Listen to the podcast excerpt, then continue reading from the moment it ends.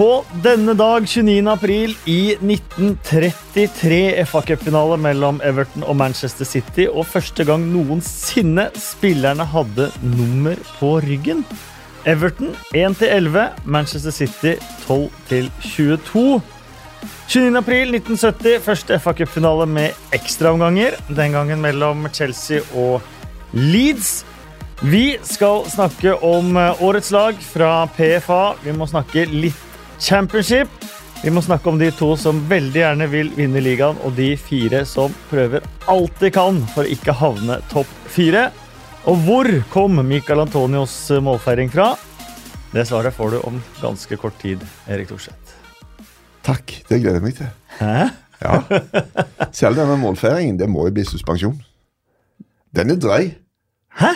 Hvis, hvis eh, vår venn eh, i Atletico Madrid Ja. kan bli suspendert for sin feiring, så var det jo ingenting imot det Antonio holdt på med.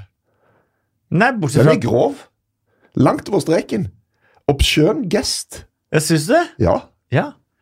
Syns du det, Solveig eh, Gulbrandsen? eh, Din første opptreden her på podkasten, det er veldig hyggelig. Velkommen. Ja, veldig hyggelig. Du ble møtt med en obskjøn gest. Det er det ja, første det, du får det var det fanget. første spørsmålet, liksom. Jeg er faktisk litt enig. Den er litt drøy. Rett og slett. Ehm, Jeg ble litt sånn, jeg satt og så matchen med sønnen min, og så ble jeg litt sånn her Ja, hva sier vi til det? Så det, den er litt på kanten. For han har blitt 22 nå, har han ikke det? Ja, er, Så han er litt ja, sart. litt sart. Litt forsiktig. Uh, dere skal få vite hvor feiringa kom fra, men vi tar et par uh, ting uh, først. Først skal vi klarere av én ting. Shane Longs mål som ble skåret etter syv sekunder og Var det 5200, eller? Jeg husker ikke helt. Noe rundt der. Ja. Og så snakker man om Premier League-rekorder, og det er jo litt eh, jeg har vært inne på før, det er jo litt uh, latskap ofte, men dette her kan vi faktisk si er en rekord. Jeg sendte en mail til eh, de gode menneskene i English National Football Archive. eh, som sitter egentlig med all info man kan eh, tenke seg. eh, og de hadde ikke funnet noen eh, tidligere scoring.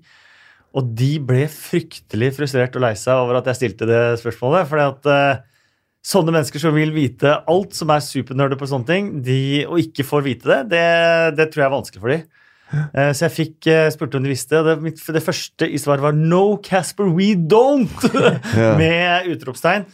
For den første avisa som begynte å ha i det hele tatt minutt på scoringer, var jo på 50-tallet. Ja. var det en avis som begynte med det. Så det er veldig mangelfull data. Men fra 1888 aldri eh, en registrert scoring som er kjappere Shane Longs. Så da kan vi Men det kan ha skjedd. Det kan For ha er skjedd. det, rapport, som du sier, Rapporteringen har jo vært fullstendig ræva. Mm. Men det er klart at så kjapt hadde kanskje noen lagt merke til. Eh, hvis det hadde vært en som var på en måte fem sekunder, så hadde det Ja. kanskje Men hva altså Det går nesten ikke an. Da må det nesten være selvmål, tenker jeg. Ja, det er det jeg tenker òg. Altså, Ja. det, det er jo utrolig kjapt. Sånn at du, Ja. Det skal jo ganske mye til, da. Men det ble påstått at det var et mål i Brasil eh, At det var Revelino som jo hadde et sykt tilslag. Keeperen lå ved stolpen eh, før match og ba til Gud om at han måtte spille en bra match. Og plutselig så hørte han noe Han som rasla i nettet. Eh, og det var ballen, gitt. Som det bare klinka til fra, fra midtsirkelen, da. Når de så at han lå på kne der inne. Og Det er klart at det er jo gjerne kjappere, da, men ikke så veldig mye kjappere. Vi hadde vel en Champions League-kamp der òg, som Chesney rett fra avspark fikk eh, slått over til, Ja. til hjørnespark òg, tror jeg. Men Shane Long, vi gratulerer eh, Shane Long med rekord. Det gjør vi. Ja. Um, og så er det en annen ting som man får ekstremt mye spørsmål om på Twitter for tiden. Ehm, et av de fra Irritatum. Er fjerdeplass i Premier League sikker Champions League-plass? Hva hvis et engelsk lag vinner Europaliga eller Champions League Får hodepine av slikt? Jeg vet ikke om dere har fått veldig mange av de spørsmålene på Twitter i det siste? Skal vi ta det kjapt? ja. Én til fire får eh, plass i Champions League neste sesong. Eh, for en europaligavinner så får ikke ligaen en ekstra plass selv om de skulle vinne ligaen. Nei, selv om de skulle vinne Europaligaen. Så det blir ikke sånn at femteplass i Premier League på noe som helst måte kan gi Champions League-plass uansett. Men vinner du Europaligaen og ikke havner topp fire i Premier League, så havner du Champions League. Men hvis ett engelsk lag vinner Champions League og Europaliga, og begge de to havner utenfor topp fire i Premier League, så mister fjerdeplassen i Premier League Champions League-plassen. Det er eneste måten de kan miste plassen på. Femteplass i Premier League kan aldri få Champions League-plass. Eh, og hvert nasjon kan maks få fem plasser i Champions League. Så det var en ganske god forklaring. Det Det er jo er helt- pedagogisk bra bygd opp. Ja, var det ikke det? Ja, du nagla det, Takk. Rett og slett. Det, men eh, gidder du ta det en gang til? for Jeg ikke helt med meg. Da må du spole. Du kan livespole. I går eh, kom eh, årets, eller ukas, minst bevarte hemmelighet. Da kom årets lag, årets spiller, årets unge spiller fra PFA, altså Spillerforeningen. Virgil van Dijk ble årets spiller. Raheem Sterling ble årets unge spiller. Alle på årets lag eh, var fra Manchester City eller Liverpool, bortsett fra Paul Pogba. Han var med. Ja. Det er jo litt interessant. Jeg tror ikke jeg hadde hatt med meg på laget. Nei, men det er, jo, det er jo mange ting med denne avstemningen der. For det første så er det jo sånn at folk tror at spillerne bryr seg. Det gjør de overhodet ikke. Hvis de sjøl ikke er på laget, så gir de F Ja. Hvem som er med. De kan ikke stemme på spillere på eget lag. Sånn var det i hvert fall før. Og det har vært utrolig gøy å sett resultatene. Altså hvor mange har stemt. Hvem har stemt på de og de og de? Altså, Det var jo ikke internett når jeg var der borte, og når jeg skulle stemme. det var bare, altså, De der stemmesedlene fløyt rundt i garderoben. altså Folk brukte de til å tørke seg i ræva med omtrent. Det, det, er, altså, det er, du er såpass egoistisk da, at hvis du ikke er med sjøl, så er det revnende likegyldig hvem andre som er med. Eh, så Ja, eller folk tror- stemmer jo da på motsatt av det du Ja. Altså Hvis du er i nærheten av å være på et lag, da, så kan du fort stemme Pass på ikke stemme på de som konkurrerer Ja. på plass og posisjon. Og så, så er det jo noen kompisgreier her òg. Er det noen du er kompis med, da, så er det jo det, Stemmer det det er jo heller på veldig det. mye kompis på tvers av lag. Folk tenker jo ikke over det. Eh, men eh, Aguero sier jo på denne City-dokumentaren på Amazon at en av de han henger mest med, er jo David Gea. Ja. Fordi han, de spilte sammen i Atletico Madrid. Så det, det er jo vennskap og, på kryss og tvers, og de bor i samme strøk. Og, og Der kan det jo være et eller annet. Så jeg, jeg tror liksom at folk blir litt sånn forundra, eh, som du sier, med Pogba og sånt. Og så er det tidspunkt òg, da. De stemmer jo av en eller annen grunn alltid veldig tidlig. Forstår ikke med internett og, og, og sånne ting at de ikke kan drøye den litt, da. Hvorfor er det så, er så Altså, det er bare å gå rett inn. Der ligger jo resultatene. Hvor vanskelig kan det være, liksom? Eh, og Avstillingen ble nå stengt i en periode der Pogba hadde vært veldig bra. Han var jo veldig dårlig, og så ble han veldig bra, og så har han blitt ganske slakk igjen. Så Sånn er det jo. Så, og det er klart, det blir jo litt sett på nærmest som litt useriøst når noen av disse stemmegreiene kommer, men fair enough, sånn er det. Og som jeg sier, det spillerne gir stort sett F. Og så er det litt sånn hvor mange kamper ser de reelt, de som spiller sjøl? Mm. For det første har du lørdagsmatcher, da, og så spiller du samtidig som ganske mange andre. Og så vet jeg ikke hvor mange av dem som alltid setter seg ned og ser de andre Det spiller. vet ikke jeg heller, faktisk. For det er Kaku ser alt, Ja, har han det er sagt. Ja. Ja. Han er jo, ja. Men det er liksom det òg. Hvor mye ser de reelt? Eller bare Mm. hører de, eller ser du noen highlights, eller ser du noen kule scoringer, og så tenker du Og derfor blir det jo ofte de beste også som på en måte har vært Det er jo riktig at City og Liverpool har Ja flest spillere. De har jo vært klokkeklart de dominerende dagene. Men er det Edna Eden Hazar vi savner, og kanskje sånn? Ja, øh, altså i hvert fall, må vi jo si. I og med at han har han har alltid vært oppi det, og han har vel den beste sesongen sin nå, egentlig. I hvert fall hvis du teller. Han har alltid hatt et litt sånn halvslakk produksjon. Han har ikke ligget oppi der, men nå har han jo høy produksjon, da, på mål assist. Så ja, burde vært med. Men det er en gang du ikke får lov å gi faen, Erik, når du skal stemme, og det er neste podkast. Da kommer Ween, Endre Olav og du for å kåre podkastens årets lag.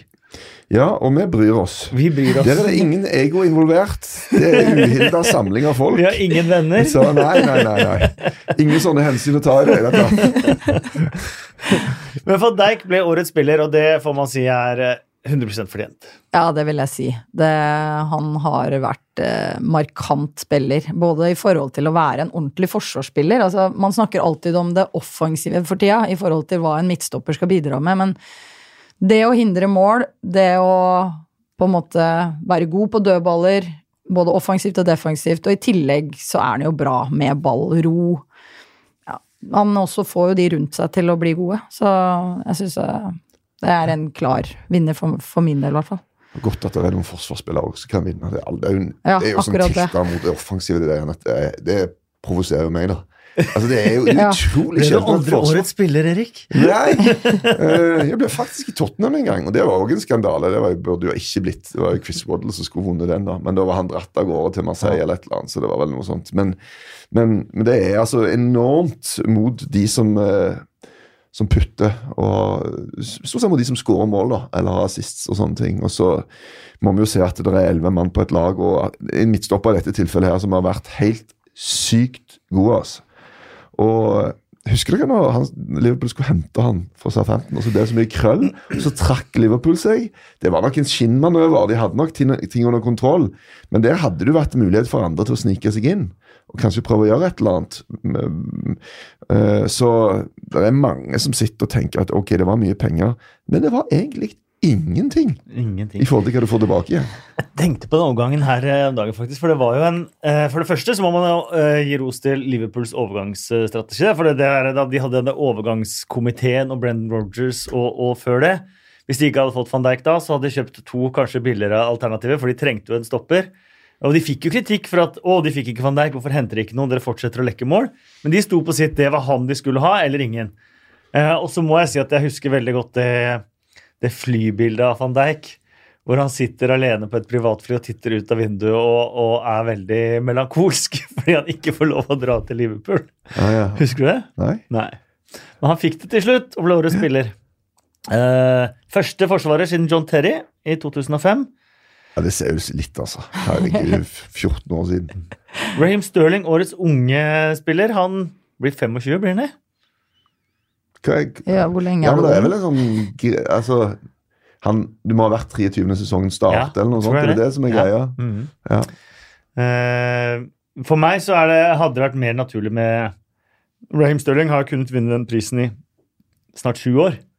Uh, vi har jo andre spillere også som har Dele Alli og sånt, og som har vært kandidater i mange år. Hva med Rookie of the Year-pris? At uh, den som skal vinne årets unge spiller eller årets hele sesongens rookie, ikke kan ha hatt, må være under en viss alder og ikke kan ha hatt mer enn 15 Premier League-kamper fra før, f.eks. Ja, for det er jo litt forskjell det der, da. Men mm. altså, det er jo greit å ha en sånn pris for også ung spiller under en viss alder, men det er jo sånn når du har spilt da 200 kamper snart. Ja, altså liksom Når du har spilt en hel haug med matcher, så er du jo rutinert, da. ja, men Du kan ikke holde deg imot i at de har vært gode når de var unge. Veldig, Nei, At de var tidlig gode, da. Nei, nei, Ja, du får ikke være med, for du var tidlig god. Derfor må man endre kriteriene litt, da. For Ja, eksempel, så du vil ikke ha en ny kategori? Det er ikke det du vil ha? Nei. Du vil bare endre Ja. kriteriene for denne kategorien her? Ja. Og jeg syns man kunne ha en sånn uh, rookie. Altså en sånn nykommer, da. Det er jo litt mer interessant. På Hvem- 21 år eller yngre eller et eller annet. ja. Eller hvorfor ikke bare ta en rookie totalt sett? En som aldri hadde spilt Premier League-kamper før denne sesongen. Mm. Det hadde vært litt interessant. Det hadde vært en kul kategori. Ja, det hadde vært en kul kategori, faktisk. Ja. Sånn der Glenn Murray-kategori. Eller du kan også ha den der eh, årets tidligere Norwich-spiller som nå gjør det veldig bra i Premier League-kategori. Det burde vært en kategori, faktisk. Neste får du 11, eller kanskje 15 veldig gode kandidater der.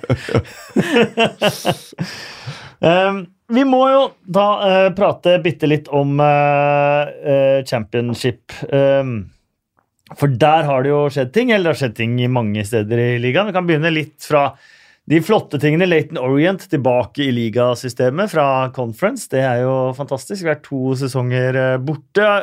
Også de eh, offer for eh, fryktelige eiere, men det er ikke mer enn fem-seks sesonger siden de spilte playoff-finale til championship. Mm. Og så rykka de ned Ja. fra League One sesongen etter. Og så gikk de så å rett ned derfra til Conference. Eller National League, da, som det heter. nå. Hva er det vanligste, tror du? Vært offer for fryktelige eiere, eller vært offer for fryktelige spillere? Hva tenker du er vanligst nedover de divisjonene der? Du er vel eh, Hvis jeg kjenner deg, Erik, så tenker du at fryktelig eiere det er det beste som kan skje i en klubb. Ja, for da får de starte fra scratch. Så, men, men det er klart at det er jo en big deal inne eller ute av ligasystemet. Det er jo en Ja. svær greie, da. Mm. Sant? Det, jo, det går jo på hele identiteten til en klubb, da. Og en klubb som Leighton Orient, som du sier, som jo tross alt har vært litt oppi der, Mm. og er jo en stolt klubb med tradisjoner og sånt, og så det å ramle utfor, det er jo det er jo krise. Tidligere klubben til Hurricane. Ja, Han spilte der. Ja. Og jeg tror det er veldig mange nordmenn som uh, har vært på Brisbane Road.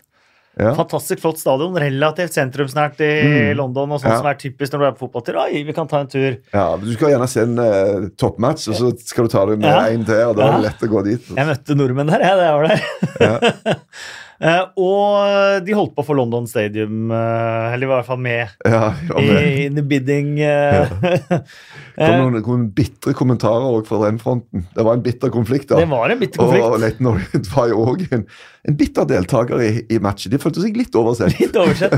Og en annen ting er at jeg tror uh, Leighton I første verdenskrig så var det jo uh, De aller fleste fotballspillerne ble jo sendt til fronten, i hvert fall veldig mange.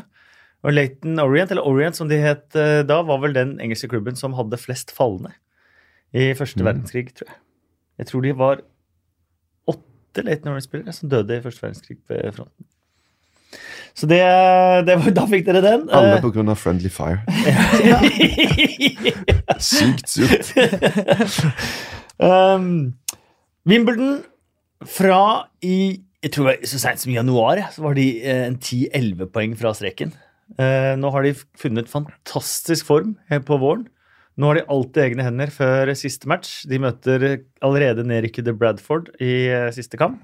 Slo Wickham i, eh, i helga og ser faktisk ut til å holde seg. Milton Keanes tapte sin kamp, så de er rett under den direkte opprykksstreken i league 2. Så jeg vet jo hva mange der eh, håper på. Men Wally Downs, typisk en sånn dinosaur, avskrevet manager, eh, kanskje. Kommer inn, har 300 kamper for klubben. Du har vel spilt mot den, tenker jeg, flere ganger. Godt Eh, mulig.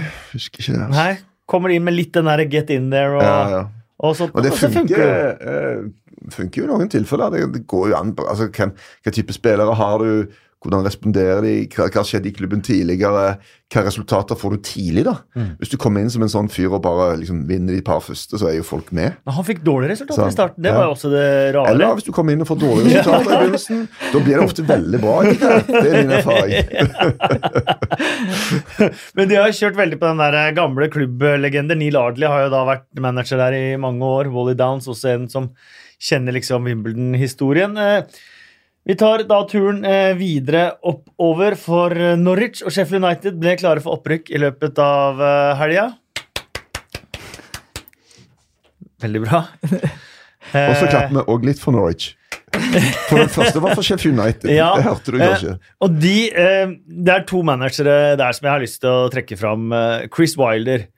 Hans, eh, for det første, så En av hans første managerjobber så tok han jo, apropos klubber tilbake i ligasystemet, var han som tok Oxford opp fra Conference eller National League tilbake i ligasystemet. De fire siste sesongene så rykka han opp fra league 2 med Northampton, 99 poeng. Så tok han over et Sheffield United som vel hadde vært fem år på det tre, tredje nivået i league 1. Rykka dem opp på første forsøk, 100 poeng. Forrige sesong, første sesong tilbake i championship, niendeplass med Sheffield United, etablerte de i championship. Og denne sesongen direkte opprykk til Premier League uten å ha brukt noe særlig penger, sånn à la Wolverhampton eller noe annet. Det er nesten Jeg synes det er nesten unheard of. Ja, det er jo, det er jo litt sånn der eh, eventyrhistorie noen ganger, da. Altså med noen klubber og da med noen trenere. Og så er det noen trenere som er gode på forskjellige nivåer. Altså hvordan bringe en kultur inn i en klubb eh, og få dem oppover da, fra å være nede. Det er jo noen ganger vanskeligere å ha en klubb som er god, har hatt en kultur, og så komme inn eh, og snu ting, da. Men hvis, eh, hvis han her er god på akkurat det, så, så ser du jo liksom hvordan resultater du kan få, da. Hvis du er bra på å snu en trend. Jeg ser liksom på statistikken deres også, så er det jo fra å ha 22% på sånn clean sheet, så har de gått til 44 i år. Eh, Da har du jo gjort en Og det er jo viktig å ikke slippe inn mål. Og hvis du har et fokus på det og er bra på det som manager, da, så, så får det Det blir poeng, det.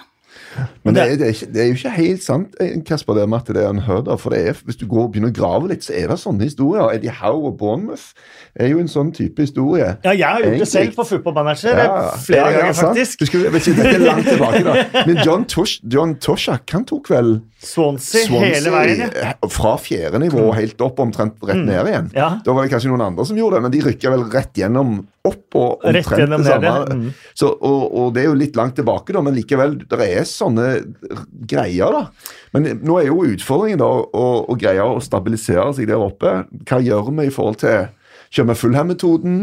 Eller eh, med å kjøpe mange nye spillere? Hvor mye penger bruker vi? Hvordan skal vi Og det, det er utfordrende, altså. Ja, ja, det jeg mente var mest var un unheard of, var jo at uh, han har gjort det med ja, egentlig tre forskjellige klubber, Ja, ja. men nå med Ja, to forskjellige klubber på. Mm. på den fireårsperioden. og han har brukt ekstremt lite penger. Han har eh, eh, sånn som Ipswich, da, som rykker direkte ned. Fire seire eh, hele sesongen på 45 Mm. kamper. De friga David McGoldrick. David McGoldrick har da vært en meget viktig spiller for Wilder i, i Sheffield United. Han, han, har, han har gjort han rykka opp med veldig mange klassiske championship-spillere. da, Ja. For å si det sånn, og spilt en, kanskje en sånn championship-måte å spille fotball på, men som har fungert veldig bra. Ja, men de er jo Det er jo noen teorier som handler om at det er lettere å holde seg i Premier League med en championship-måte å rykke opp på. Mm. Fordi at uh, hvis du er litt sånn possession-lag og skal liksom male motstandere i senk, så er du sjanseløs Mm. på å greie det i Premier League. For de andre er så mye bedre. Men er du et gnurent, litt gnient sånt uh, fighting-lag, så tar du alltid noen poeng, da. Mm. Selv om det ser ut som Cardiff rykker ned nå. De kjørte jo den metoden, og har jo heller kjøpt, og har jo kjøpt veldig lite. Har i grunnen basert seg på det samme greia som rykker opp, og har jo gjort en hederlig innsats. da. Absolutt. må jeg jo si. Veldig veldig hederlig innsats. Eh, og da kommer vi til neste lag som rykker opp, eh, Norwich, for de har gjort det. Mm. Eh, jeg snakka med Alexander Tetti mot slutten av forrige sesong. Da, de hadde, da, da endte de opp med tolv seire, tolv uavgjort. 14. Eh, og plass, tolv det? tap og 14.-plass. Det var så mid-table som det kunne få blitt. Mm. Og da var det noen som ville ha han Ferke ut, var det Og ikke ja det? da. Eh, både han og Delia Smith fikk høre det både da og i starten av denne sesongen. Men Tetti sa da at eh, han hadde kommet inn og så sa han, We're gonna dominate by possession in every game. Eh, 90 minutes. Og som Tetty sa, det er vanskelig å få til i championship. Men det har han jo fått til denne sesongen. da. Eh, ved å jobbe på akkurat det, så er det jo akkurat sånn de har spilt. da. Men det er bekymringsfullt igjen med tanke på at du skal møte bedre motstand i Premier League. Ja, det er jo akkurat det som er utfordringen der, da. At du har vært vant til å dominere, og så skal du plutselig kanskje gjøre noe annet, da. Eller du får ikke muligheten til å dominere like mye. Spørsmålet er om spillerne er gode nok til det, da, når du kommer ett nivå opp. Og der er jo Sheffield United på en annen måte, som har spilt en, en type formasjon hvor du kan justere med en femmer bak, eh, som du ser en del andre lag har begynt med nå, og som lykkes med det også i Premier League. og det så det blir jo veldig spennende å se om de klarer det, da. Men det er jo litt sånn, man har jo lyst til å se at noen lykkes med det. altså, Det er jo kult når du prøver, og du, du lykkes med det. eh, starter dårlig, får det til. Og så hvis du da klarer én sesong i Premier League med å få til litt eh, possession-orientert fotball, så er jo Det var, Ja. det var, jeg leste en eh, artikkel om Norwich nå. Der sto det at eh, de, de begynte jo denne sesongen dårlig. Ja, Men så var det en match de tapte 3-0 hjemme. Mot Leeds. Men etter den kampen så var spilleren litt sånn Men vet du hva, i 25 minutter i første omgang der, så spilte vi jo piker akkurat sånn som han vil vi skal spille. Ja. Det gikk faktisk an. Det var mulig. Mm. Så den, selv om de tapte 3-0 da, på hjemmebane, så var det litt sånn litt uh, en oppvåkning av at eh, Hallo, dette var jo ikke så verst. I hvert fall i den perioden. da. Og derfra så tok de jo virkelig steg. Da tapte vel en av de neste 19 etter, ja. etter det. Eh, Jeg legger det mer på at de malte eh, bortegarderoben rosa. Ja. Jeg tror det kanskje var mer eh, Men så har jo begge disse to lagene én spiller som scorer mye mål, og det er jo også utrolig viktig, da. Altså at du har er vel Pukki som har scora 28 mål, eller noe sånt, og så er det Billy Sharp på 23 mål. Altså du, du må ha matchvinnere på begge sider. Altså det er, eh, Det er slipp- Slipper inn lite mål, Ja, og og det er ja. enorm forskjell på å skåre mål i Championship og Premier League.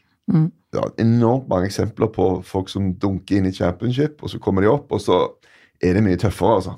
Men du har eksempel på motsatt òg. Glenn Murray har blitt avskrevet mange ganger Ja. som en sånn Han kan ikke score i Premier League, men det kan han jo. Mm, ja. Men eh, nei, ja. målskårer er jo det Leeds har mangla. Men hvor mange har Glenn Murray denne sesongen? Eh, I hvert fall 32-33. Du er sånn orakel, Kasper. Jeg bare sånn, er helt sånn, ok, ja, men han har så mange, ja, greit. Han er flink, han. Ja, han er god. Eh, Leeds har ikke hatt en målskårer, og det førte jo dem ut da til eh, playoff. Eh, Koselig match de hadde mot Villa, da. vet du hva, det, Det det kan jo bli playoff-finalen. det som skjedde Vil du bare si det? Det som skjedde, var at uh, det er en uh, Aston Villa-spiller som blir uh, meia ned, blir liggende skada midt på banen. Så vil jo Villa-spillerne at uh, Leeds som har ballen, skal spille den ballen ut, så de kan få tatt en titt på denne skada fyren. Og det ser jo ut som de Leeds planlegger å gjøre det. Så Villa bare skru helt av, men istedenfor å spille den utover sidelinja, så spiller han ned langs kanten til en mann som tar ballen, fører han inn og klinker han i nota. Og da bryter, for å si det mildt, helvete løs. Det var, helt, det var noe av det sykeste jeg har sett. Og Da var det altså kvelertak og utvisning på en fyr som faktisk ikke burde vært utvist. Og, men så mye greier. Og John Terry i trynet på Bielsa og full pakke. Og så ender det jo opp med at Bielsa beordrer eh, laget sitt til å slippe inn et mål for å kompensere for den urettferden som har skjedd. Og da blir det gøy, for da har Leeds en svensk midtstopper som syns det er teit, så han vil ikke være med på det. Og så Aston Villa to spillere som skal ta avspark og skåre, og som krangler seg imellom. Hvem skal få lov til å putte denne ballen inn i et åpent mål? Så det var bare en helt sykt, eh, syke scener. Absurd. Eh, Det gjorde at det ble 1-1. Chris Berba skriver bare del ut kaktus i blomster, beroligende midler, vann og saft til Leeds Aston Villa, gutta, for en kamp. Eh, Petter Strand Kolo spør hva syns panelet om slike gentlemen's agreement? Uh, For, imot, rett, galt? Uh, Er det, er det greit, liksom, å slippe inn vilje sånn? Så, eller er det Altså, greit akkurat den situasjonen her er jo helt absurd, fordi det ser ut som man skal spille ut ballen. Ja. Det er jo det som er, Jeg skjønner ikke hvorfor de skal gjøre det. Jeg syns de bare skal fortsette å spille. Det er ingen, det er jeg, ingen pålegg. Altså, er- du skal egentlig ikke gjøre Nei, du skal ikke gjøre det. Det er blitt den nye regelen nå, er at det er dommeren som skal blåse. Og det er den beste regelen som har kommet, for jeg syns det er noe piss. Mm. Det er, kan ikke i en konkurransesituasjon be spillere bestemme om det er en alvorlig skade eller ikke. Det, det syns jeg er helt merkelig. Noen ganger så ser du ikke heller om det har skjedd en skade borte til høyre nedi baki der, liksom. Så jeg syns det der er bare tull. Men jeg skjønner problemet når det ble som det blei, fordi det ser, han finte jo nesten at han spiller den ut. Og så spiller han langs linja, og da ser du at resten av laget har stoppa. Og da blir det vanskelig, og da skjønner jeg Bielsa-gjengen. Ja, altså at den, den er vrien, da. Jeg syns Bielsa fortjener ekstremt mye kred. Altså, Altså, Ja. seriøst, altså, Han står der og gauler 'give them a goal', 'give them a goal', 'give them a goal'. Og det er Ja, det er, jeg syns det er eh, en, Du kan si jeg skulle bare mangle, men det er nok de som ikke hadde gjort det. I hvert fall i situasjonen. da. Ja. Han, han gir jo bort egentlig muligheten til direkteopprykk. Ja, men den var det gående jo- Ja, det var jo nok kanskje Ja. men han, han, har litt, han må ta igjen litt for det der spiongreiene og, bedre liksom litt sitt Men det var jo bare rør. Spion- At han fikk straff for det, Ja, det var helt er- Altså, Det var bare tull. ja. Så, men men eh, jeg tror litt som klubb, da. De tjener jo enormt mye mer på dette her enn hvis de ikke hadde gjort det. Ja. Altså Totalt sett, i lengden, over tid. Nå ser folk på sånn ja, ok, det skjedde mye rart, men vet du hva, de gjorde det rette. da. Eh, Og det, hvis de ikke hadde gjort det, så hadde Leeds vært en blant nøytrale en litt sånn hata klubb i dag. altså. Kanskje han svenske stopperen sliter litt, men Ja. Ja, han er fin. Pontus eh, Jansson. Og det irriterer meg litt med at Leeds ikke rykka direkte opp. Det må jeg bare få lov å si. er for det første Leeds med, hadde hatt mange fantastiske oppgjør. Det er noe annet med Leeds, Manchester United, Leeds, Liverpool og alle de tingene enn Cardiff uh, mot uh, de samme. Og fra andre, sånn apropos det der å komme opp uh, til championship, jeg tror Bielsa hadde gått for det i hver kamp. Prøvd å spille som et lag som ville både angripe og, og, og vinne kamper. selv mot de beste lagene vi har kommet opp. Og det, man trenger flere av de pressutivt dårlige lagene som er sånn. Nå er det 25 sjanse for at de greier det. Ja, og jeg tror kanskje mindre for Aston Villa. De ser klart best ut. Ja, Og West Bromwich ser jo bra ut, de òg. ja. Og så nå får de jo også spion, anta, kanskje da spionrevansj eh, med Leeds mot Derby i første semifinale der. Frank Lampard kan jo bli supersuksess, han, i første sesong. Absolutt. Er det noen av dere som har hørt uh, Bielsa si Ipswich? Nei. Har dere ikke hørt det? nei.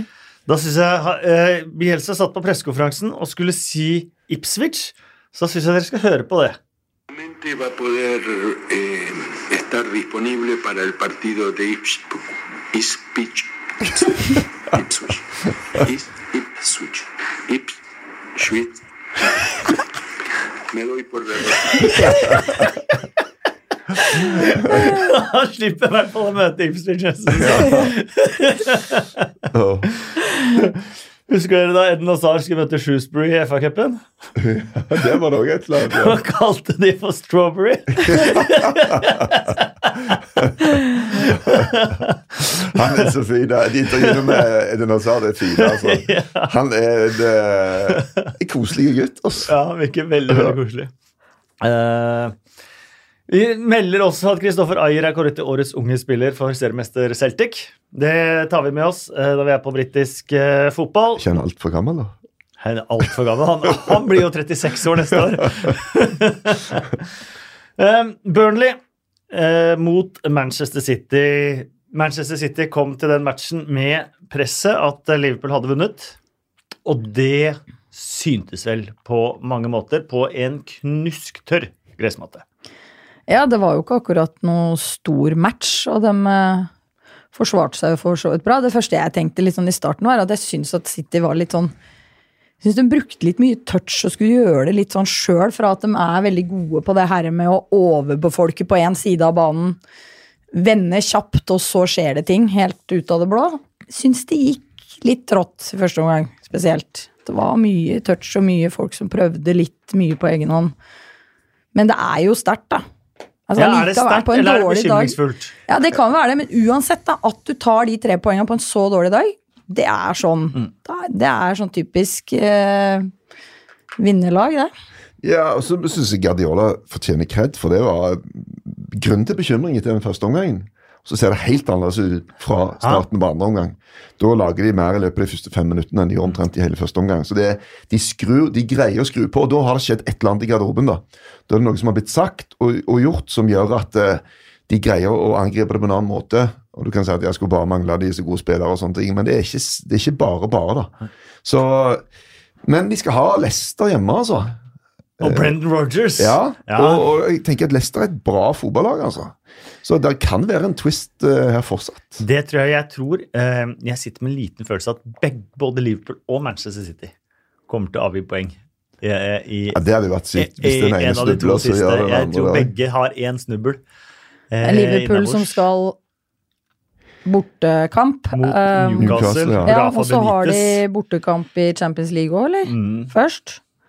Og så reise der, komme hjem, og så reise igjen Mm. borte der. Snu om fra Champions League. Spørs jo åssen den matchen har gått. Uansett, du skal eh, nullstille fra Barcelona-match eh, til Newcastle.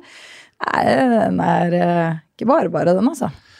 Eh, så er det jo det, det jeg ser mange er opptatt av, og det er ikke så rart. John Stones redning på streken mot eh, Liverpool. Mm. Eh, og Agueros eh, scoring som var 2,951 cm over linja. Eh, vi fikk en tweet fra Helge, eh, som hadde funnet en tweet fra Adam Hurry. Helge Kallekleiv, får jeg si. Kalleklev. Pettersen Kalleklev, som jobber i TV 2. Eh, som mente dette her overgikk Bill Edgar. Kun Agueros goal er judged to be også 2,951 cm over the line. Det kun a traditional Chinese unit for measurement equated to exactly 2,951 cm before the year 565. Så, hæ? Seriøst? Dette er jo står, Hvordan står stjernene på himmelen? Ja, hvordan står stjernene på himmelen? Ja, men Den var jo ganske syk. Ja, Hvis det stemmer, da. hvis det stemmer. Da ingen gidder å sjekke og sånt. Nei! Det er bare liksom, oi, det var, Jo kulere stemmen Ja. er, jo færre folk gidder å sjekke, for de syns det er så morsomt å høre. og det var jo òg etter den eh, John Stones-redningen, som jo var enda teitere. Ja, Så var det jo litt sånn snakk om at uh, ja, men det er en feilmargin på dette her. ja. At det greiene der faktisk til og med kunne ha vært feil. da. For det kommer jo fra tennis, uh, litt av dette greiene. Der opererer de jo med en viss sånn feilmargin i forhold til hvor ballen treffer på streken og sånt. Men eh, det var jo kult, da. Altså, må jo si at det Kan si hva du vil om VAR, men eh, Growline Technology, tommel opp. Å ja. Tilbakespillsrekeren og goal technology, to av de beste ting som har skjedd i fotballen de siste er det Begynner å bli som 25 år nå? Ja. VM 1990? Etter det kom vel Men, men du sa jo et eller annet annet nå nettopp, Solveig, om at det var et eller annet du som hadde vært det beste som har skjedd i fotballen. Hva var det det? Du sa det nå nettopp. Har jeg akkurat sagt det? Ja, et eller annet. Ja, det husker ikke jeg. Må, må spole tilbake. Ja, Må vi spole igjen. Var det en regel om at Jo, jo, det var den derre om at eh, dommeren skal blåse, at Ja. ikke du skal ha noe sånn fair Ja. play, spille ballen ut. Ja. Jeg syns jo det er en veldig bra regel, men det er jo enig. ingen som bruker den, da, så det er jo litt så er det en bra regel hvis ingen bruker den. Nei, det er jo ikke det, men det er jo spillerne sin skyld, da. Så da får hun ta på egen kappe. Jeg tar ballen uansett, jeg. Du gjør det? Ja, ja. Um, Manchester City de har igjen Leicester hjemme, Brighton borte. Burnley slo ikke den regjerende seriemesteren eh, denne sesongen. Liverpool de startet denne Premier League-runden med å slå Huddersfield 5-0. De skåra jo da ikke etter mange sekundene, de heller. Det er blytungt å være Huddersfield. Ja. Eh, vi prøver å stå imot og frustrere det første kvarteret, og så tar det ikke 15 sekunder engang. Gjorde det?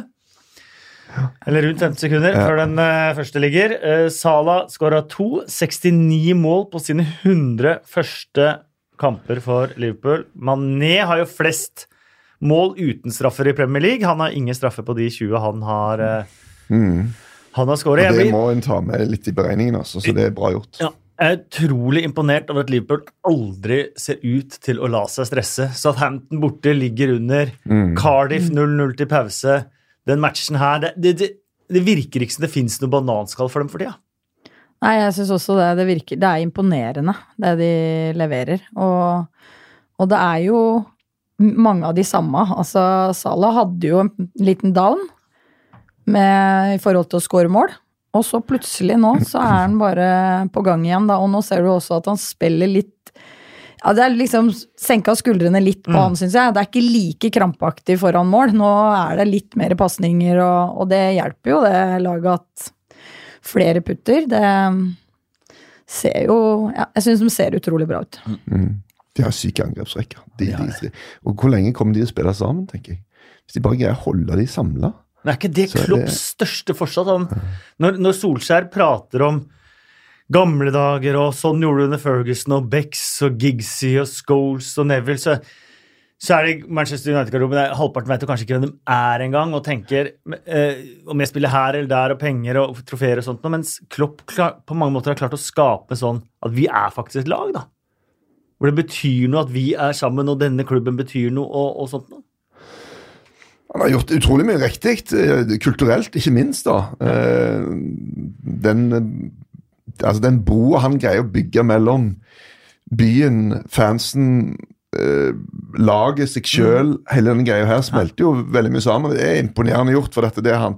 Da handler det ikke bare om å være en god fotballtrener, da skal du ganske mange verkt, altså, Ja. ting oppi kassen. altså. Og mm, de beste er jo nå altså, Før hadde du ofte sånn, sånn Ok, eh, taktisk dritflink.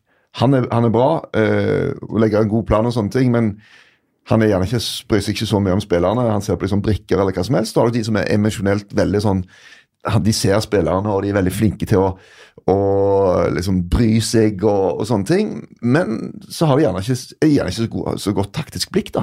Og det er noe, så er de, de beste de er sylskarpe fotballfaglig. Kommer inn i garderoben, ligger du under 1-0, så vet de akkurat bang, bang, bang, dette må vi nå gjøre, dette må vi endre. og Det betyr noe i en garderobe. Men så har de òg denne greia med at de klemmer jo så mye. De klemmer hele veien. Og de, liksom, de, de er den familiegreia. Du liksom Ok, du sitter på benken, men jeg, jeg liker deg som person, og jeg vil ha deg med her. og Det er en greie da, som er fascinerende å se på. Det har endra seg enormt innen fotball. Sånn var det ikke før. Og det betyr noe i forhold til prestasjon, og det gjør òg at disse superlagene er så sykt supre som de faktisk er. da. De tar jo enormt mye poeng altså, i forhold til hva de hva de også gjorde før. Christian Ofte Arntzen eh, spør kan Liverpool-fans være skuffet om det ikke blir Premier League-trofé. De vil jo mest sannsynlig få en poengfangst som er historisk bra. Bare ett tap i ligaen, rekordmange poeng på hjemmebane, klubbrekord for poeng i ligaen. Eh, hvor har det likevel gått galt om det ikke skulle gå Ja, Vi kan si at det har ikke gått galt. Poenget er at det er et annet lag som er like bra. Og det andre er man kan jo være skuffa om det ikke blir Premier League-trofé om du får er det 96 poeng.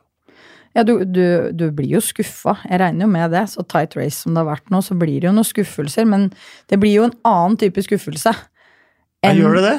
Ja, det blir jo det. I hvert fall sånn som nå. Så tenker jeg at det blir en litt annen Fordi at nå har, de har det jo ikke helt i egne hender heller. Så du er liksom litt på sånn lånt tid som Liverpool-supporter og spiller at du må bare levere, og så må du håpe at uh, noen andre gjør en feil.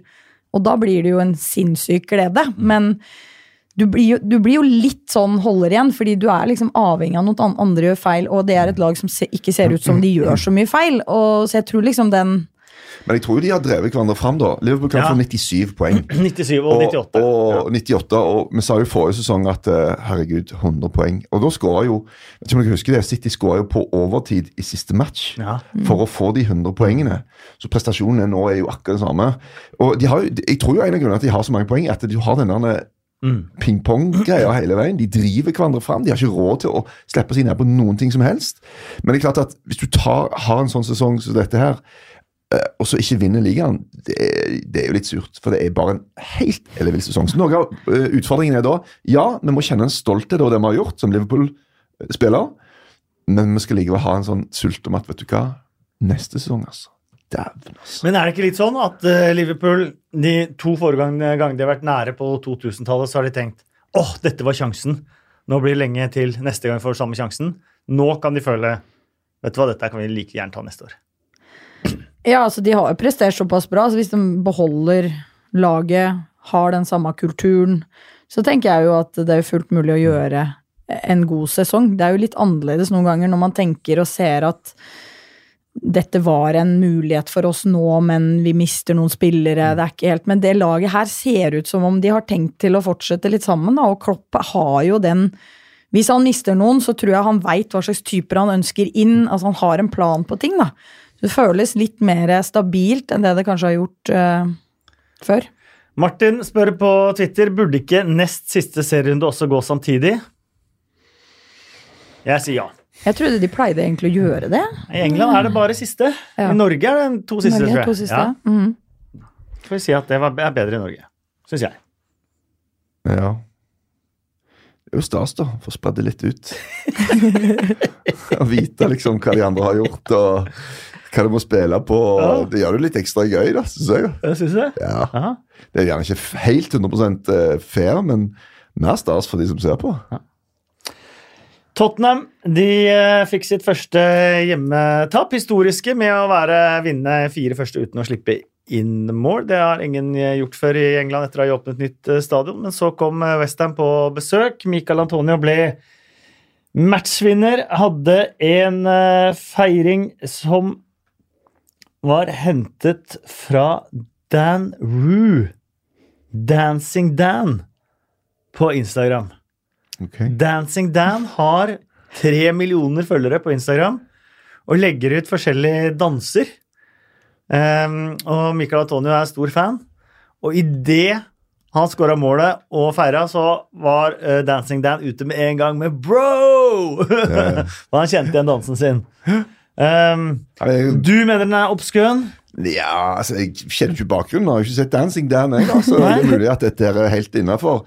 Men, eh, Jeg er ikke blant de tre millioner følgerne til Dancing Dan. Jeg heller, altså. Jeg skal innrømme det.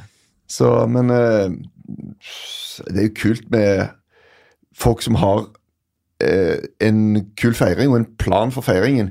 Jeg syns jo at det å ta på seg masker Da tenker jeg, da har du måttet planlegge litt for mye. Da har Ja. liksom vært ute på forhånd og lagt masken der, og den skal jeg ta på meg i tilfelle, osv. Men å bare dra opp en, et eller annet, det er jo en, en dans er jo helt fint. Og der har Antonio vært flink. Eh, Det er vanskelig å kommentere ofte, for at han henter det ofte fra tegnefilmer eller serier eller Instagram, sånn som nå og sånt nå, så catcher du ikke helt. Han har hatt svampebob. Jeg vet ikke om du husker det han skåra mot Lester Leicester for en uke siden, hvor han la seg på, på den tartanen rett utenfor bakken. eh, Sånn Ja, ja. litt ømt og strøk, liksom. Da hadde han planlagt den fra, fra, fra et sted. Så han, han har ofte en tanke med Du hadde jo målfeiring med drakt over huet. Ja. Hadde du en tanke om målfeiringene dine? Nei, det Nei. var litt sånn eh, Jeg hadde ingen planer om det. Jeg, jeg har planla veldig sjelden å score og hva jeg skal gjøre, egentlig. Men Hadde du eh, planlagt det før den straffe... Nei. Ja, da hadde jeg en plan. Det skulle jeg aldri hatt, nei. Nei, men jeg hadde ikke noen plan, og det der med drakta veit jeg ikke. Det, tror jeg var, det var litt sånn ut av deg sjøl-opplevelsesprosjekt, så da visste jeg ikke helt hva jeg drev med.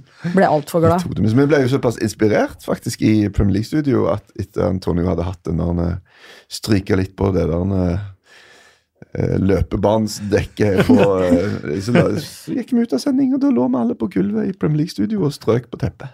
Og på teppet ikke hverandre. ja. Det var, det var faktisk ganske godt. Tottenham uh, har tapt uh, 17 kamper denne sesongen. Spiller aldri uavgjort. De har en god ting. tapt seks av de siste ti. Mm. Og igjen, da, når vi har hatt serierunde hvor de tredje til sjetteplass har tatt ett poeng totalt, og denne gangen tok de to poeng totalt. Det var Chelsea og Manchester United som tok poengene. Arsenal og Tottenham eh, tapte. Og det gir meg et spørsmål også som kommer eh, eh, Kom fra eh, Twitter her. Eh, eh, og hvor ble det av det? Da kan jeg stille det selv. Avstanden til de to øverste, den virker å være lang. Men avstanden fra topp seks, også de fire dårligste i topp seks, til resten, den virker å være enorm i starten av sesongen. Etter nyttår så har det nesten sett ut som lag fra sjuende og nedover har vært bedre enn mange av de. Kommer den avstanden til å bli borte eller forvitre i løpet av en sesong eller to? Vanskelig å si sånn sett, da, men det som har eh, Sesongen til mange av disse engelske laga er jo at de presterer så bra Uh, ute i Europa, plutselig. Altså, det er jo flere lag som nå er med i Champions League, er med i Europa League. Eh, og det gjør jo også at med den tighte sesongen det er i Premier League rundt juletider, eh, skadesituasjoner ja, Altså masse som skjer her, da. Mye matcher. Så gjør det jo at det er tight for de laga som er med der. Eh, og så ser man jo også at det er jo det er jo flere lag som imponerer litt i forhold til altså at de henter seg opp igjen. altså Everton, Wolverhampton altså det, er jo, det er jo mye bra lag. Så det burde jo på en måte være mulig å være jevnere, men det er jo sånn budsjettmessig så er det jo store forskjeller på disse lagene. da. Og det hadde aldri blitt, vært større, og det blir større og større mellom topp seks og de andre, så jeg, så jeg nå også en eh, rapport. Ja, I begynnelsen av sesongen så var det veldig det at vet du hva, det blir bare enda verre. Alle har de andre lagene tatt færre poeng mot topp seks, men så har de jo, som du sier, topp seks-lagene har jo vært ganske dårlige. Men det er forskjell, altså. Ok, Everton får mye skryt, men la meg se at de setter sammen en hel sesong, da. De greier jo ikke det. De er liksom gode her og der, og Wolverhampton har jo et potensial. De ny- nyopprykka, de havner kanskje på syvendeplass. Det er jo dritbra, men dette er et lag som har tapt to ganger mot Huddersfield, altså. Å ja. De, de har liksom ting å fikse, de òg. Men det er jo ikke utenkelig at et topp seks kan bli et topp syv. Det går jo an. Ja, jeg, tenker, jeg tenker Chelsea, det sa jeg før sesongen òg. Abramovic som ikke har vært på eneste kamp i år, for han har slitt med innreisetillatelse og de tingene der. Nye, nye stadion som de skulle bygge, lagt på is pga. Eh, om det var finansiering eller var andre ting. Eh, det er jo ikke skrevet i stein at f.eks. Chelsea skal være en topp seks-klubb de neste 10-15 årene. Eh, Tenker både på økonomisk backing, på, på, på apparatet rundt, på at man er litt eh, stuck på Stamford Bridge. Eh, Sånne ting, at det, det vil være en dynamikk kanskje hvor ett av de lagene kanskje vil havne utafor, ett nytt lag inn, kanskje bli topp sju, kanskje bli topp fem. Ja da, det er, det er ingen garanti. Det, det handler jo veldig mye av det som du sier. Det handler om penger, det handler om organisa organisasjonen som ligger i bånn. At du har folk som tar gode avgjørelser. Men det er jo enormt mange lag som prøver å komme opp, da. Komme opp i den der, det sjiktet der. Og noen av de har enormt mye penger. Ja. Westham har jo ja. å ta tar 60 000. Ja, ja. Og, og Wolverhampton har jo en, en kinesisk eh, backing som jo er ganske heavy. Så det er muligheter, eh, men Men det er jo ikke noe tvil om at økonomien har mye å si. Og det har jeg sett en sånn statistikk på over eh, tiårsperiode nå i Europa. At hvilke lag som bruker mest penger, har noe med plasseringa dem så, i forhold til Champions League, i forhold til ligaer.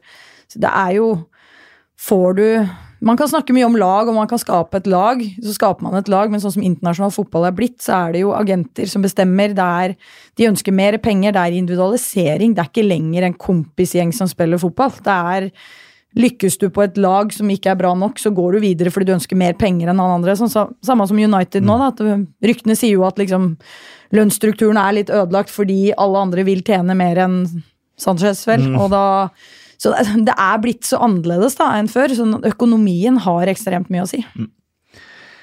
Eh, Manchester United, da, som du var uh, inne på, 1-1 mot uh, Chelsea. Det så jo mer oppløftende ut enn på lenge. Uh, fram til David De Gea uh, somla til, så det ble 1-1 igjen. Så en kommentar, jeg tror det var i Daily Mirror, men jeg er ikke helt sikker, før denne kampen.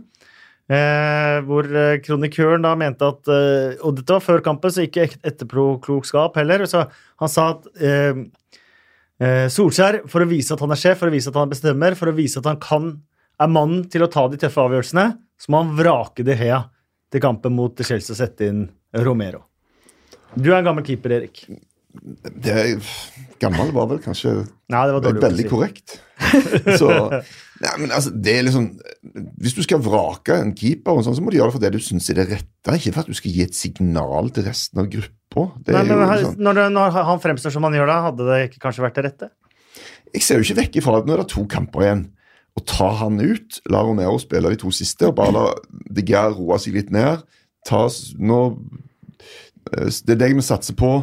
Eh, men eh, nå skal du få tid gjennom sommeren til å bygge deg opp igjen og komme tilbake eh, sånn som du var. Det tenker jeg at det hadde vært en helt ok ting å gjøre. Og så har du denne kontraktsproblematikken midt oppi det. Altså, Hvordan tolker de Gea det? Tolker det som Blir han sur hvis du gjør noe sånt? Og har i hvert fall ikke lyst til å fortsette i klubben? Bare se kontrakten ut og gå gratis om et år? Eller eh, hvordan altså, Da må du på en måte være veldig inni det, da. Og kjenne han som person, og hvordan han tenker. og eh, Men det er klart det er veldig vanskelig for han å drive og forhandle om astronomiske summer når han er ræva. Altså, det jo, gjør det mye vanskeligere, da. Og det øker kanskje sjansen for at han faktisk skriver under, da. For hvem skal hente han? Jeg tenker Barcelona gjør det sannsynligvis ikke. Eh, Zidane er jo Kelonavas fan. Det første han gjorde, var jo å hive ut eh, Courtois og sette Kelonavas inn. Så du har Juventus, da, med Stenchny, som spiller der. Kanskje det er en mulighet. Kanskje PSG.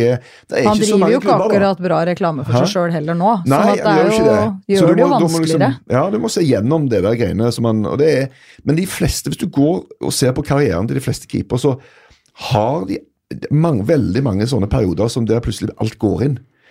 Men det, det rare med DG er at du skal ikke så langt tilbake for å finne en lignende periode, og den var jo rundt VM. Ja. Sant? I fjor sommer. For da hadde han sånn eh, greie med at på, tolv 12 skudd gikk 11 inn. eller noe sånt. Det var bare helt vilt. Og alt er jo ikke hans feil. Men du, du kommer bare inn i sånne greier der liksom alt ser ut til å- gå inn. Og nå i tillegg da, så har jo noen av disse feilene vært så grove. altså Den mot Barcelona er jo sånn Ja. altså Det er jo bare helt løkkefotball.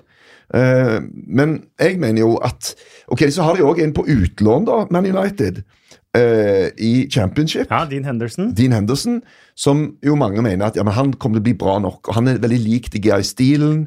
Uh, du kan omtrent, Jeg har sett sånne analyser. Hvem ligner mest på De Gea? Og det er jo han, da.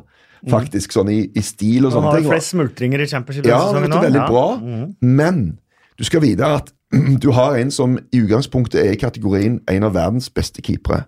Og det at Henderson skal havne i den kategorien, sannsynligheten er jo ikke gigantstor, rent sånn prosentvis. Og, og tenk over de ti neste sesongene, da. Hvor mye en keeper betyr for en klubb. Han er 28 år, altså. Hvis du greier å ha han ut karrieren, så tenker jeg at da har du en bra keeper som har en kjempetøff periode akkurat nå, men han kommer til å legge det bak seg. Han kommer til å bli veldig bra igjen. Og jeg tror det beste de kan gjøre, hvis de syns det er fortjent og de kan svelge den summen, så gi han den kontrakten ehm, og gå videre. Men du skal ikke betale folk absolutt hva som helst.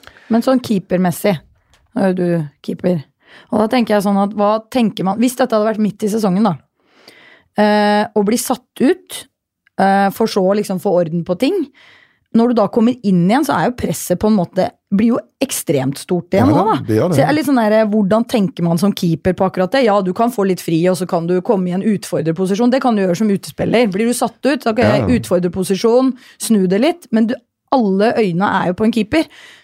Alle kommer jo til å juble hvis han tar imot ballen, liksom. Det blir jo litt Ja. sånn der annerledes. Ja, Jeg jeg lurer er helt liksom, enig, og derfor er det bør du stå i det, eller bør du Tidspunktet nå er faktisk ganske gunstig, da. Ja. For det er to kamper, og de greier sannsynligvis ikke topp fire uansett. Så det er sånn ganske Mm. grei tidspunkt å gjøre det. Men hvis han av personlighet er sånn at han hater det Det, skal, det er nedverdigelse, og det er mm. mistillit. Og, og nå er han i en situasjon der han egentlig ikke har ikke rett til å forlange så veldig mye. Men likevel. altså du, du må lese personen og situasjonen litt, og da må du rett og slett være inni der for å kunne ta en bra avgjørelse. Kanskje han tar det bedre enn Bobby Mims? Kanskje. Muligens.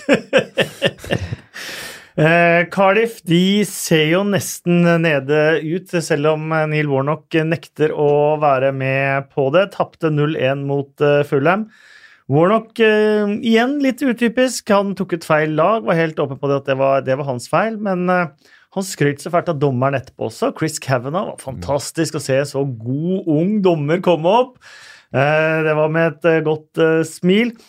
Sist gang Warnock var oppe, var jo med Sheffield United. Da rykka de ned i siste omgang etter at Carlos Tevez ble matchvinner for Westham. Ja, men den saksøkingsgreia ja. Det var det, fordi at uh, Carlos Tevez og Mascherano hadde kommet på litt uh, shady vis. Så Westham fikk vel en kjempebot? det ja. gjorde de, men de ble ikke trukket poeng. Uh, og det var jo det Sheffield United ville, for da hadde jo de uh, Men jeg tror vi snakker om Var det ikke flere hundre millioner kroner? Jo, det var mye. Ja. Mm. Så han mener fortsatt han har, han har litt å hevne, hevne der, eh, og fortsatt holde.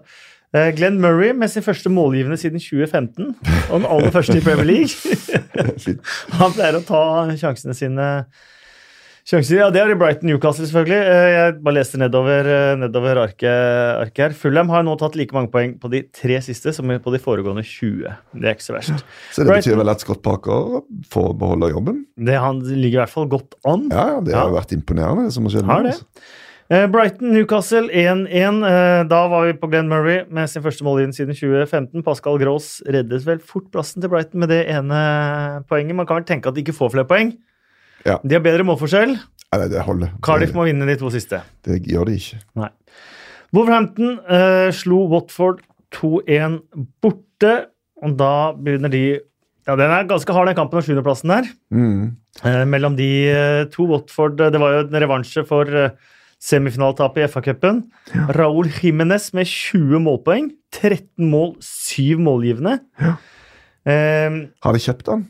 De, de har en opsjon på å kjøpe den. Jeg tror vel de løser den ut. løste de ikke den ut da, tidligere i sesongen? Jeg, jeg lurer på om de gjorde det, men jeg, nå skal ikke jeg si det 100 um, Kun Brian Roy i 1994-95 og Peter Odenvingi i 2010-2011 har hatt 20 pluss målpoeng for et nyopprykket lag som utlending. Mm.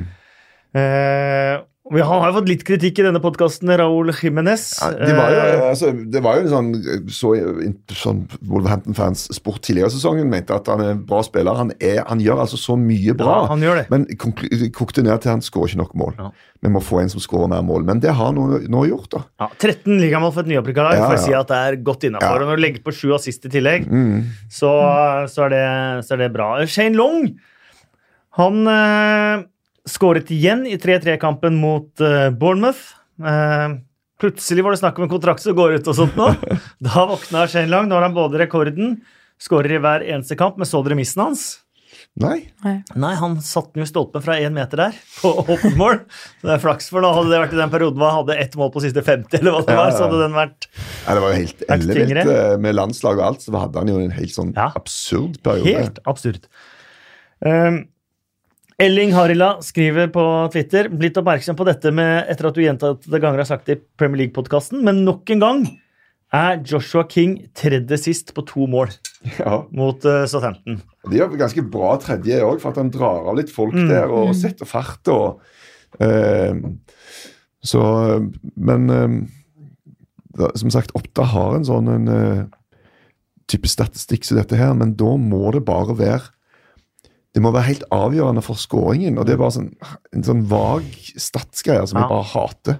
Han er bare sånn, Det sitter noen folk der og bare Skalte og valgte å bestemme et eller annet. Og, og hvis Går det ikke an å bare telle om du er tredje sist, Ja, jeg liksom? tenker også det. Du kunne gjort det. Vil dere ha det innført som en sånn målgivende sak? Jeg sånn mener at det er viktig. Som midtbanespiller er jeg veldig for det. Men det er ikke det samme. Så kom det jo, I forbindelse med De Gea da, så kom det en sånn at han har hatt tre errors på de fire, første, eh, fire siste kampene. Sånn personal error da, og, som førte til mål. Og Det var det samme som vi har hatt på de foregående 120 til sammen. og sånn, Men det er en ræva statistikk. Helt enig. Jeg bruker er en aldri error? når man får den før, eh, før, eh, før kamper. Så får vi jo disse informasjonsgreiene som det Ja. står som error. Den legger jeg bort. Jeg må, jeg må heller bruke mitt eget hode for hva jeg husker Ja, fra de siste kampene, for hvordan de har opptrådt. Ja for for det det, er tullete, Den er så vag, og hva Ja. er en liten feil her? Kan jo være like målavgjørende som en stor slipper ballen mellom beina fra 30 meter type mål. Så Everton spilte 0-0 mot uh, Crystal Palace. Det betyr at uh, Jordan Pickford har ikke gjort error for goal i de siste kampene så mye. Han har holdt nullen i syv av de siste ni nå. ja, Med- Han var også under press på et tidspunkt. Ja, enormt press òg. Ja. Eh, Marco Silvas lag har eh, stått eh, bra opp også. Skal vi gå på blomster og kaktuser? Det var moro å se på. Morata var kjempegod. Hva i all verden? Har? Han snakka ikke om seg sjæl, han snakka om dommeren. La oss gjøre det. Og begge var hvem skal vi gi det til? Har Ja, du tenkt nei, Eh, vi kan begynne på blomst. Er det noen som har hatt noen tanker på blomster de har lyst til å gi etter denne runden her? Nei, jeg syns det er veldig vanskelig i blomster. Jeg. Du gir aldri Det blomster? er sjelden blomster. Ja. Jeg pleier bare å sitte helt stille i en krok inntil Kasper kommer opp med noen forslag. Ja. Og Da kaster jeg meg Da- entusiastisk over forslagene hans. ja, men er det ingen av dere som har forslag først? Nei, jeg er litt usikker. Uh kunne kanskje gitt den til eh, Maitland Niles for å få et rødt kort. Det var den vi glemte her. Det, Mm. eh, fordi at eh, Arsenal så helt sjanseløse ut, tapte 0-3, men uh, fikk jo et rødt kort på Maitland Niles uh, tidlig i, uh, i matchen. Um, og da kommer vi til kaktus. Skal vi, vi skal begynne med kaktus der? James Madison som filmer på Maitland Niles et gult kort nummer to. Det syns jeg er ufint. Ja. Syns du det var filming? Å ja. Det ser ikke ut som det er kontakt i det hele tatt, og det ruller rundt. Nei, jeg, jeg er uenig med det, Kasper. Jeg Ja. mener det er kontakt, og at eh, Men den, den er men- minimal. Den er ikke nok til å ta seg til leggen og men, rulle rundt. Altså. ja, og så forstår jeg faktisk fra dommerens Vi så det fra to ulike Ja. vinkler, og fra dommerens vinkel så så det nok betraktelig mye verre Definitivt. ut enn det gjorde fra den andre vinkelen. da. Absolutt.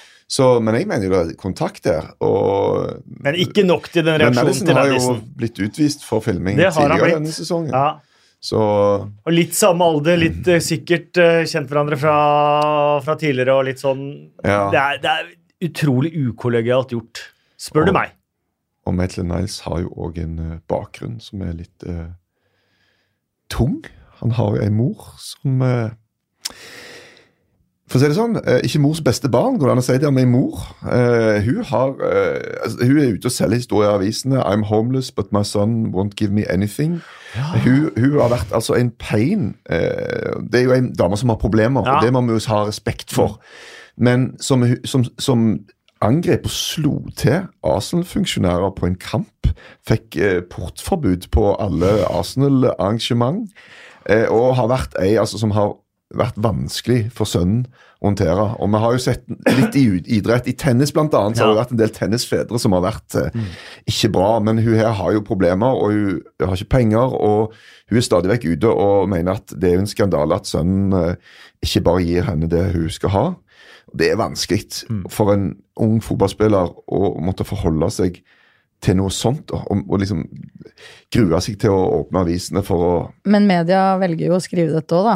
Ja da. Fortsatt, han er jo ikke spesielt uh, trivelig sånn Ja, sett. og så kan en jo òg dra det et hakk videre, hvis en vil det, i forhold til hvordan svarte spillere blir behandla i forhold til hvite, og om dette har noe med den saken å gjøre. og sånne ting. Men det har i hvert fall vært vanskelig for han, og den utvisningen var piss. Den var piss. Det er det ingen tvil om. Eh, Så da tenker jeg kanskje Jeg hadde egentlig tenkt blomster til eh, egentlig to stykker, de to nyopprykkede managerne, Wilder og Ja. Farke, som har gjort eh, fantastisk jobb eh, med egentlig begrensa ressurser.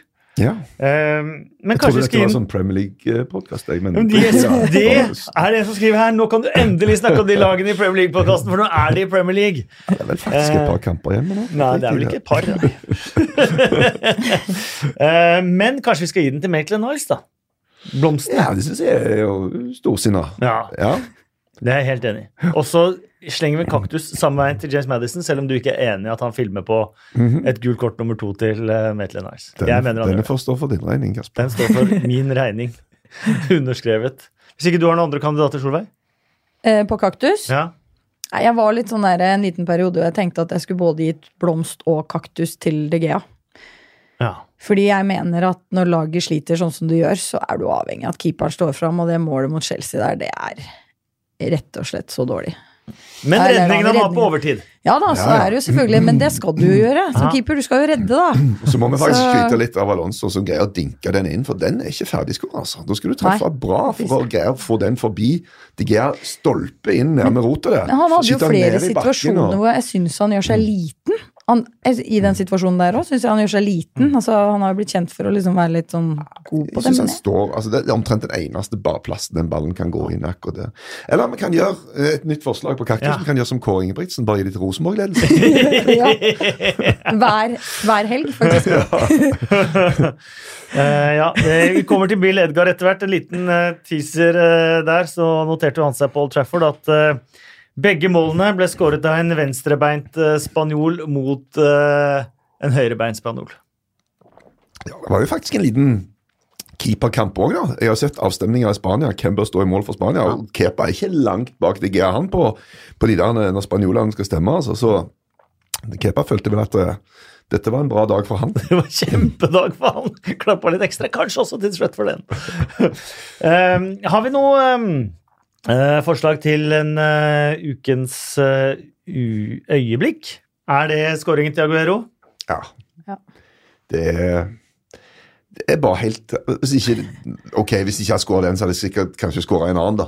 Men, men den er jo Da hadde Ben Mees redning på streken blitt Ja. hans øyeblikk. Ja. Nei, Aguero får få den. Og det trynet når han springer og jubler etterpå, det er bare sånn brings back the memories fra Aguero, Aguero, Aguero. Og han er så fin!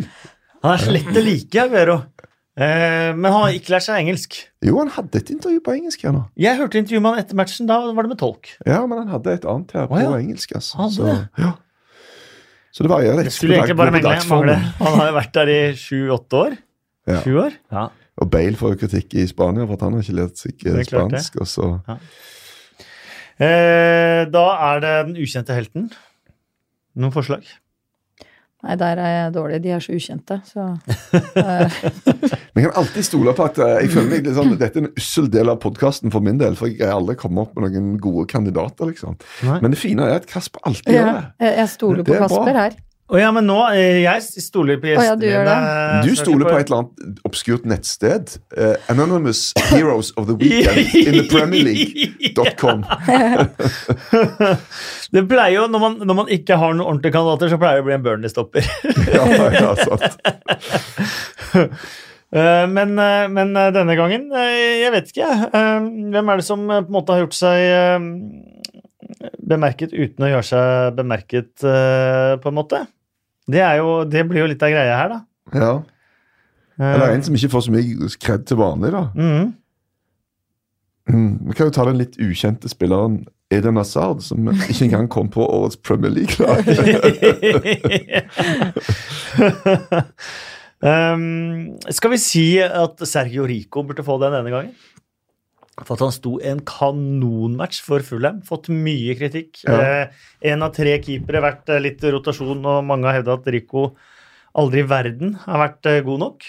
Ja, Stengte buret, holdt det. Jeg er en av de som har gitt han og alle andre som står til mål for Fulham, drit. For at Rico ikke bare har han vært dårlig mål, men han har sett ut som han har vært så dårlig i mål. Det er sånn rar, for jeg tenker sånn, Du, du ser på dem, hvordan står de, hvordan er vinklene i kroppen, hvordan liksom, på en måte er utgangsposisjonen, hvordan er kroppsspråket. Og det har bare vært altså, Jeg tenkte dette kan jo aldri gå bra. Og så plutselig så begynner han å ta ballen når han kommer. Han gjør det. Det er jo helt sykt. Han hadde super redning. Ja, ja, ja. Da gir vi til Rico. Ja. Da er det blomst til Maitland Niles, Kaktus Madison, ukjent helt til eh, Sergio Rico og øyeblikk til eh, Aguero. Det var en fin spredning, syns jeg. Mm, ja. Da slenger vi oss på Bill Edgar. Arsenals syv siste. Aldri skjedd! Første gang siden er den sjette spilleren. Fun factsene til Bill Edgar. Bill Edgar, det er da eh, De fleste har sikkert eh, hørt det, men jeg må si det for de som ikke har hørt podkasten før, at han er statistikkmannen i The Times. Har sine betraktninger fra runden i hver mandag i bilaget i The Times som heter The Game. Nå har funnet eh, et par eh, punkter denne gangen også. Eh, I den øverste divisjonen i England hadde det ikke vært en rekke på 28 kamper uten uavgjort siden Aston Villa i 1964-65. Så kjørte Tottenham en rekke på 28 kamper uten uavgjort. Og nå har jaggu meg også Manchester City utligna den rekka denne sesongen. Da har vi to på samme sesong på noe som ikke har skjedd siden 64-65. Mohammed Salah og Sadio Mané har 20, li- 21 og 20 ligamål. Huddersfield har 20. Men det blir i så fall første gang etter krigen at to lagkompiser begge matcher et annet lag i divisjonen på antall skåringer. Hvis dette holder seg de to siste rundene. Crystal Palace har skåret 29 mål borte mot 14 hjemme. Eh, De ligger an til da dobbelt så mange mål borte som eh, hjemme, og det blir i så fall første gang noensinne i den øverste divisjonen at et lag har gjort, eh, har gjort det. Og når jeg sier noensinne, så er det altså ikke siden 1992 og Premier League, men siden 1888. Eh, Fulham har da tre på rad uten å slippe inn mål. Det har f.eks. ikke Manchester United klart denne sesongen. Ikke Chelsea og ikke Arsenal. Eh, og de er første lag på 62 år, altså siden Charlton i 56-57-sesongen, som følger ni strake tap med tre strake seire. Yes. Ja, Ja, det er ganske sykt. Jeg husker når han Craig Shakespeare tok over Leicester. ja. Så hadde de tapt fem kamper på rad under Ranieri, og så vant de de fem neste under Shakespeare. da. Så du får noen sånne svinger av og til. Mm. Ni, og så tre. ja. Og så den ene som jeg måtte gå inn og sjekke, for jeg syns eh, hørtes rar ut, men selvfølgelig er helt naturlig, men som er litt sånn heve øyebryn. Men dette blir altså det første oddetallsåret siden 1995 der ikke enten Manchester United eller Chelsea blir ligamestere. Det er ikke verst. Det altså, men altså, Hvordan finner du på sånne greier? liksom? Hvordan greier du å grave opp sånne syke Ja. En bra mann, han Bill, altså. Bill er en eh, supermann, som sagt. Eh, Min eh, litt hemmelige drøm er å kunne gå ut en kveld med Bill Edgar og Geir Juva i VG og bare høre på at de to prater. Skal overgå hverandre på fun facts. Eh, par tilbakemeldinger fra Twitter. Eh, hadde en morsom en fra Trond eh, Pettersen. Eh, hver gang jeg ser Mark Al Albrighton spille, tenker jeg på den dagen det gikk opp for kona at han ikke het Albright, og ble omtalt med klengenavn av Alsaker og Vikestad. Albrighton. Ja, sånn, ja. Så en av svært under han hadde på nøyaktig samme måte med Senhauseren i, ja. i alpin. B. Helgevik eh, likte episoden forrige gang eh, veldig godt. K ekstra pluss til Torstvedt, som er herlig uenig med resten av gjengen i det aller meste. Det gir eh, temperatur. Helt topp.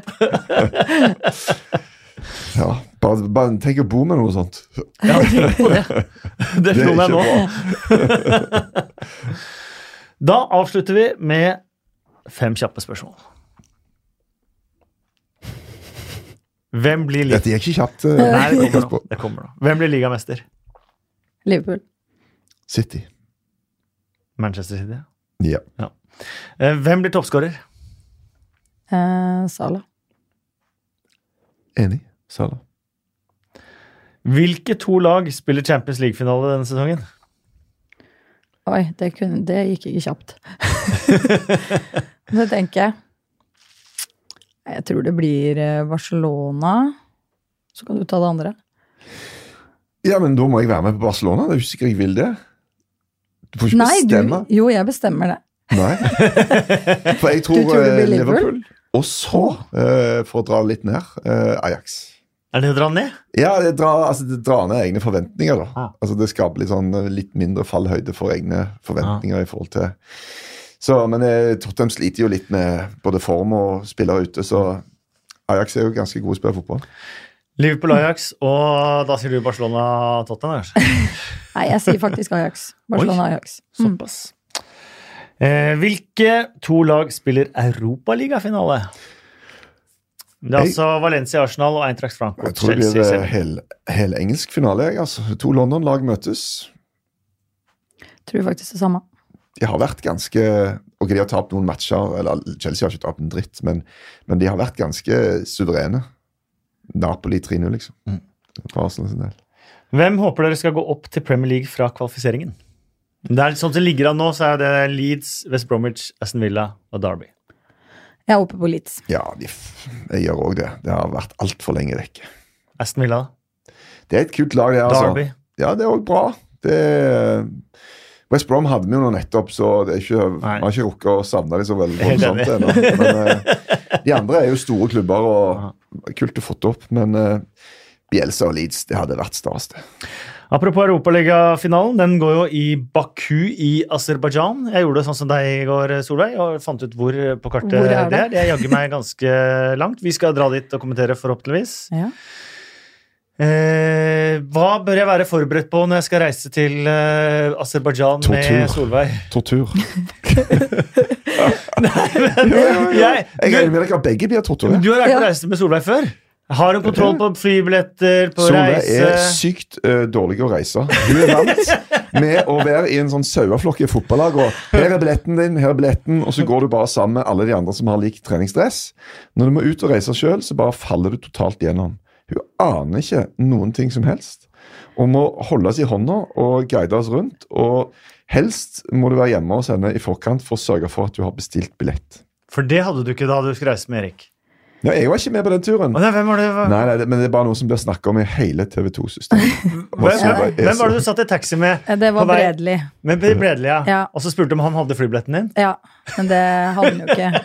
Så det, men jeg fikk jo bestilt billett. Men nå Simen var veldig flink sist, for det var første gang jeg var på Arsenal-match i London, da. Og da Han eh, guida meg rundt, sa hvor jeg skulle bo hen og sånn. Men da hadde jeg jo bestilt flybillett sjøl, så da bestilte jeg flybillett hjem samtidig som jeg dro. Såpass. Så det er jo ikke, det er ikke så lett. Men var Simen sånn at eh, ja, nå må du passe på å, å spise, Solveig, for nå er det fem timer siden sist du fikk i deg mat. Var, var litt det, eller? Nei da, det, vi rakk ikke det, for det var litt sånn kort tid i London. Men han sa hvor jeg skulle møte når, og hvor jeg skulle, og hvor vi skulle gå. Så det, det er veldig, veldig viktig. bestille retur fra Så du bare sjekker at jeg har bestilt billetter og sånn, sånn at jeg, og hotell, så er ting greit. Det holder. Ja, Ja. Jeg så den korteste reisen ned. Det var ni timer og ti minutter eller noe. ja det er flott. Ja. Her kan, bli bytta- en del, eh, her kan det jo bli en del utfordringer, ser jeg. Nei, men det er jo, man blir jo miljøskada, dessverre. Jeg har vært altfor lenge på fotballag hvor jeg ikke har behøvd å ta ansvar for reiser. Ja. Jeg blir utrolig stressa hver gang jeg får en sånn melding fra SAS eller Norwegian. For da er det sånn, nå kan du sjekke inn, og da er jeg litt sånn usikker på Hæ, Er det i dag, eller har jeg glemt å sjekke? Altså, det er ikke så lett. Men hvis du får melding fra flyselskapet, skal du i hvert fall være rimelig trygg på at du har bestilt billett. Ja, men det er jo da Altså- spørsmålet dato og klokkeslett, om Ja, det er riktig. For det fikk du da du egentlig var på Arsenal-kamp, at du skulle ha reist Ja. hjem igjen. Ja. Så jeg fikk melding. ja. Eh, det var veldig hyggelig å ha deg her, Solveig. Håper du kan komme igjen. Ja, det var veldig hyggelig. Kan dere ikke lage en podkast fra Baku, da? Det kan vi sikkert også gjøre. Det kan godt hende. Ja. Ja. Eh, Det var hyggelig å ha deg her også, Erik. Takk. Det er alltid en fornøyelse å være her. Gleder du deg til neste gang hvor du skal få kåre ditt eget årets lag?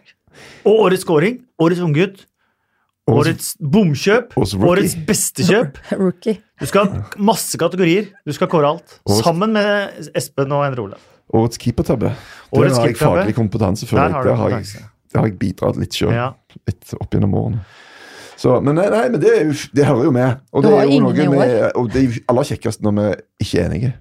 Det er kjekkest. Ja. Men er alle keeper eh, som har vært på TV med da i år? Sånn keepertabber, eller er- tar du ikke med alle keepertabber i år? Det er jo Så Premier alt League. som er vist, er bare Premier League. Altså du kan ikke Ja. ta med alt som er spilt på Her er det kun Premier League. store stadioner som Tottenham, altså som spiller for Tottenham og sånn. Kan ikke ta med de. Nå, så, merker nå, nå prøver Solveig å bare lirke det inn på at jeg spilte en match der det gikk inn eh, noen mål som jeg vil si var veldig, veldig vanskelig å ta. Solveig har en annen oppfatning. Eh, og så, dagen etterpå at jeg slapp inn et drittmål i en sabla Legends-match, så spiller du Tottenham borte mot Liverpool. Og hva skjer? Loris i retur rett før slutt. Liverpool skårer.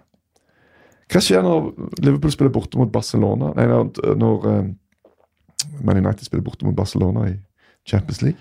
Altså, Jeg mener den er verre. Altså, seriøst. Jeg mener at du uh, på din høyde var bedre enn uh, begge de to uh, du snakker om nå. det er i hvert fall ikke sant, Kasper. Så det er greit. Men tusen takk. Vi er på Twitter. 2PLpod heter vi der. Vi er på iTunes og Spotify. Det har du antageligvis funnet ut hvis du har hørt på fram til nå. Um, og eh, vi tar gjerne imot både tilbakemeldinger både på alle, både på alle plattformer, faktisk, på for å avslutte på den måten her. Og så er jeg tilbake neste uke. Det er Champions League i kveld. Tottenham Ajax. Ja, De har Champions League i morgen kveld. Jeg skal på Tottenham Ajax, da. Så du skal rett I på Gardermoen? Rett på Gardermoen da? Nå må jeg uh, Du er ikke du er, Har jeg bestilt billett? Solveig, vet du om jeg har bestilt? Nei, Har du nå, du, har sikkert, du har sikkert noen folk som hjelper deg. Så Erik Thorseth han skal reise i full uh, sykkelmundur. Chianti Firenze. Team Chianti Firenze reiser til eh, Tottenham Ajax. God tur, Erik. Takk. Lykke til til alle som har lag i aksjon både i uka og til helga.